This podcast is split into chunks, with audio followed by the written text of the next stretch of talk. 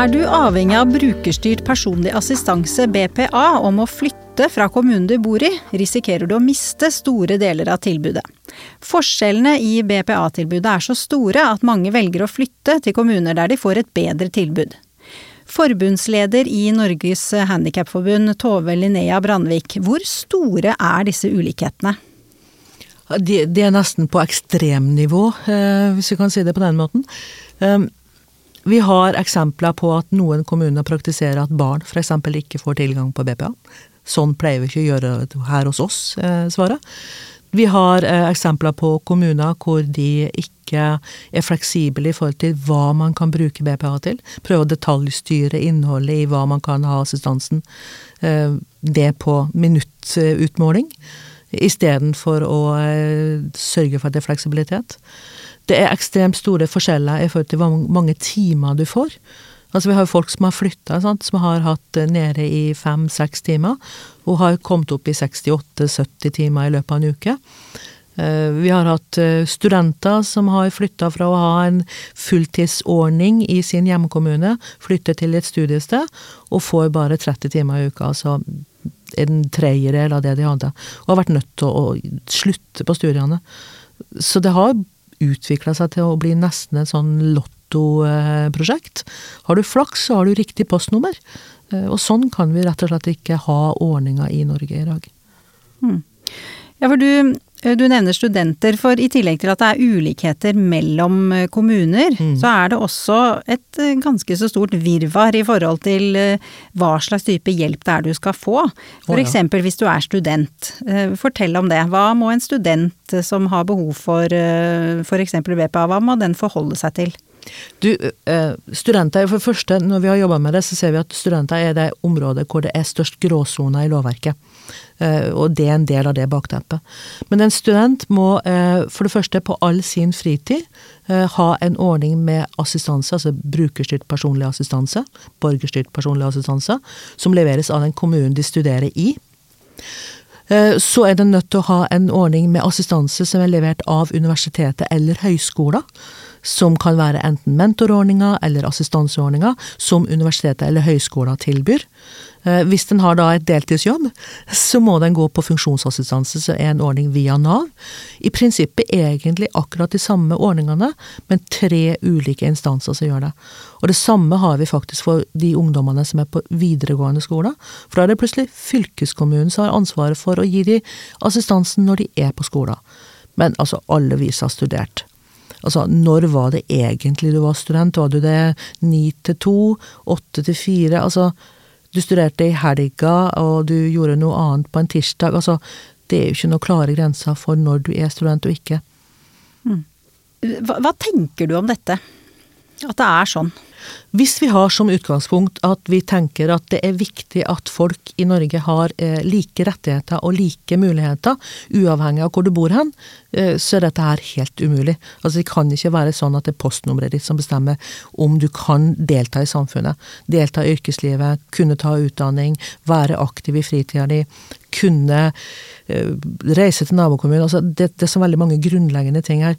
Så det fungerer ikke. Altså, vi kan ikke holde på sånn hvis vi har som utgangspunkt at folk faktisk skal kunne være innbyggere i et samfunn.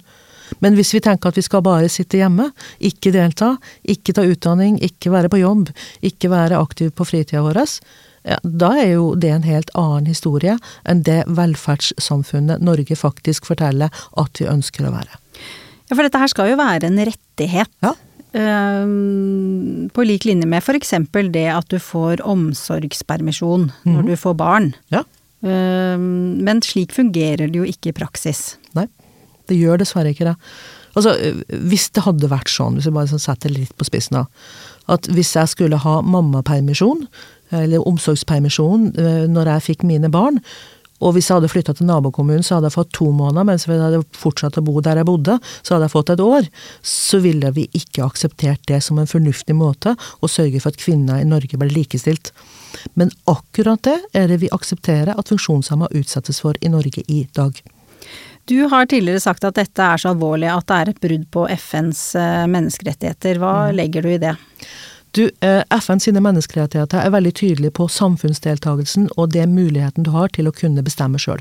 Skal kunne ha tilgang til eh, likeverdig utdanning, eh, tilgang til arbeidslivet, delta i organisasjonsarbeid, politiske prosesser, alle de ulike tingene som skjer i et samfunn. Og det er veldig tydelige krav om at det samfunnet, altså da Norge som nasjon, har et ansvar for å legge til rette for det med de virkemidlene Norge har. Det betyr at kravene til Norge er helt annerledes enn f.eks. kravene ville vært til Gambia eller Kenya. Og det betyr at det å ha eh, f.eks. personlig assistanse vil være et krav i Norge. Um, og det er noe med at du skal legge til rette og bruke de verktøyene man har. Og Norge er nødt til å bruke de verktøyene som allerede er utvikla. For det du sier er at når man først har en sånn rettighet et mm. sted, så skal det gjelde for alle? Det skal og det er der dette bruddet ligger? Og det er jo blant de tingene som FN faktisk valgte å kritisere Norge ganske tydelig på, er at forskjellen du har i retten til de tjenestene du har rett til i utgangspunktet, den kan ikke Norge videreføre. Mm. Hva mener du må til for at eh, dette skal bli bedre? Du, eh, kan jeg ta bitte, bitte litt historie? Altså, når BPA kom eh, til Norge, så var det for å skape et alternativ til de tjenestene som da fantes. Og de tjenestene var hovedsakelig hjemmetjenester. Og så sa man at hvis man skulle kunne delta, så måtte man kunne bevege seg utafor og kunne bestemme sjøl. Istedenfor å lage et lovverk som sa det tydelig, så sa man at jo, du skal få brukerstyrt personlig assistanse, men det er en alternativ måte å organisere alt det andre du kunne ha fått på. Altså, lovverket er for svakt i forhold til hva det faktisk skulle gjøre. Det tvinger ikke kommunene i tilstrekkelig grad til å gjøre det Stortinget har bestemt de skal gjøre. Så lovverket må bli tydeligere? det er Lovverket må bli tydeligere. Eh, og det er jo det som gjør det mulig at det er så store forskjeller. Den andre biten handler jo òg om forståelsen. Altså, nå er det, som vi sa, sektorer eh, som har ansvaret for hver sin lille del av mitt liv.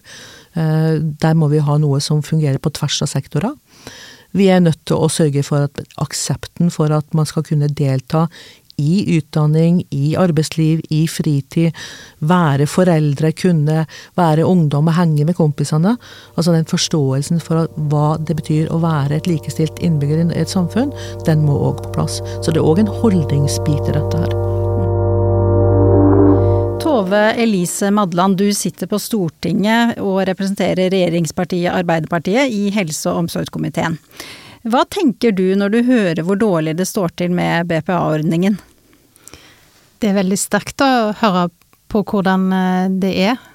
Eh, og jeg syns jo det er krevende å høre når, når, vi har et politisk ønske om å ha likeverdige tjenester i dette landet. Altså uansett hvor du bor, så skal du ha de samme mulighetene og de samme ja, tilgang på de samme tjenestene. Og det som, som Tove Linnea her beskriver, det, det er jo ikke den virkeligheten. Så, så det, det, gjør et stort inntrykk. Det gjør det. Mm. Hele BPA-ordningen eh, skal med tid og stunder opp til behandling i Stortinget. Det er laget en offentlig utredning som eh, hadde til hensikt å evaluere ordningen, eh, og så har den vært ute på en høringsrunde. Og så skal det legges fram en stortingsmelding som siden skal danne grunnlaget for en behandling i Stortinget av hele ordningen. Eh, hva, Maddan, du har lest disse innspillene som har kommet i denne høringsrunden, eh, som hadde frist 25.9.2022. Eh, hva sitter du med, igjen med etter å ha lest disse? At det er de store forskjellene som, som her blir beskrevet. At det varierer veldig fra kommune til kommune.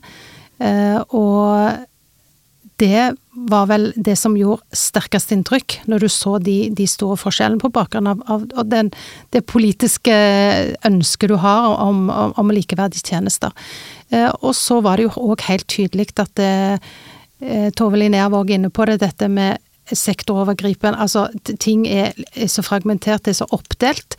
Så, så de eh, aller fleste, og vel de fleste høringssvarene var helt tydelige på at dette burde gå fra å være en kommunal ordning og over til å bli en, en statlig ordning. Og òg at en tok det eh, fikk nytt lovverk knytta til ordningen, altså den gikk vekk fra helselovgivningen over til likestilling. Sånn at det virkelig ble det likestillingsverktøyet, altså det virkelig ble den, den muligheten for å kunne leve et vanlig liv. Eh, på fritid, på skole. Uten at det skal, som Tove Linnea beskriver, altså det blir oppdelt Det er ulike aktører som har ansvar. Og da, vet vi at det, da blir det ikke de gode, sømløse tjenestene som, som vi har nedfelt i, i Hurdal blant annet at vi ønsker å ha. Mm. Hvem er det som har kommet med høringssvar her, kan du si noen av de? Det er jo selvfølgelig Norges Handikapforbund, ja, og Tove Linnea Brandvik har jo kommet med sitt. Hun, kommet, og det er jo brukerorganisasjonene, altså mm. ulike, og, og, KS da, som en stor aktør, har jo òg eh, kommet med, med innspill. Så det var jeg husker ikke eksakt tallet på de innspillene som kom, men det er i hvert fall over 100. Det, det siste jeg hørte var at det passerte 168. Ja. Eh, kommuner, KS, interesseorganisasjoner, ideelle aktører. Så det er en veldig brei innspillsrunde. Og som du sier, Madland, så er det mange av disse som eh, ønsker at ordningen skal gå over fra å være kommunalt, eh, et kommunalt ansvar til å bli et statlig ansvar. Ja, det er det, og, og klart eh, det blir jo et, et politisk spørsmål den, når, når, stortingsmeldingen kommer og en skal behandle den. Så jeg, jeg, kan jo ikke si noe hvor Arbeiderpartiet faller ned nå, det, det kan jeg ikke. Men, men, klart, skal vi få de likeverdige og, og gode sømløse tjenestene, så, så, må en kanskje gjøre noen grep her. Um, som, som Brandvik eh, snakket om i stad, så er det store forskjeller mellom kommunene. Eh, Humana har også gjort en egen undersøkelse blant en del av de som eh, er mottakere av BPA.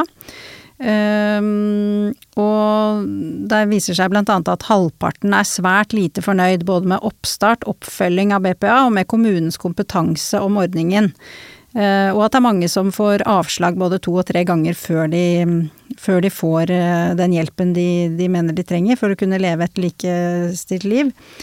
Um, er det er denne ordningen, um, Madland, så komplisert at hver enkelt kommune At det er vanskelig ute i hver enkelt lille norske kommune å skulle administrere dette?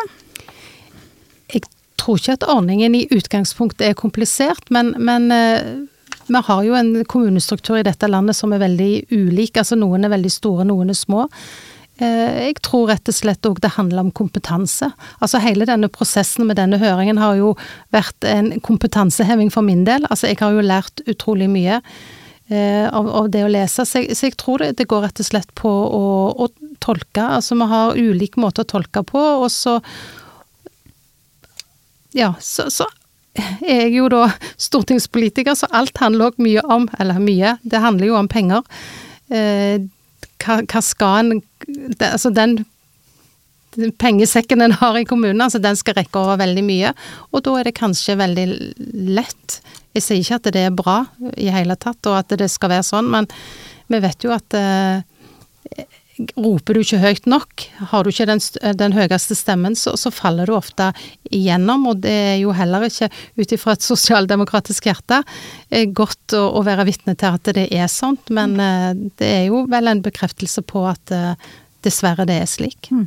For Tove Linnea Brandvik, dere i Handikapforbundet mener jo at dette vil bli bedre ivaretatt hvis det er staten som administrerer det.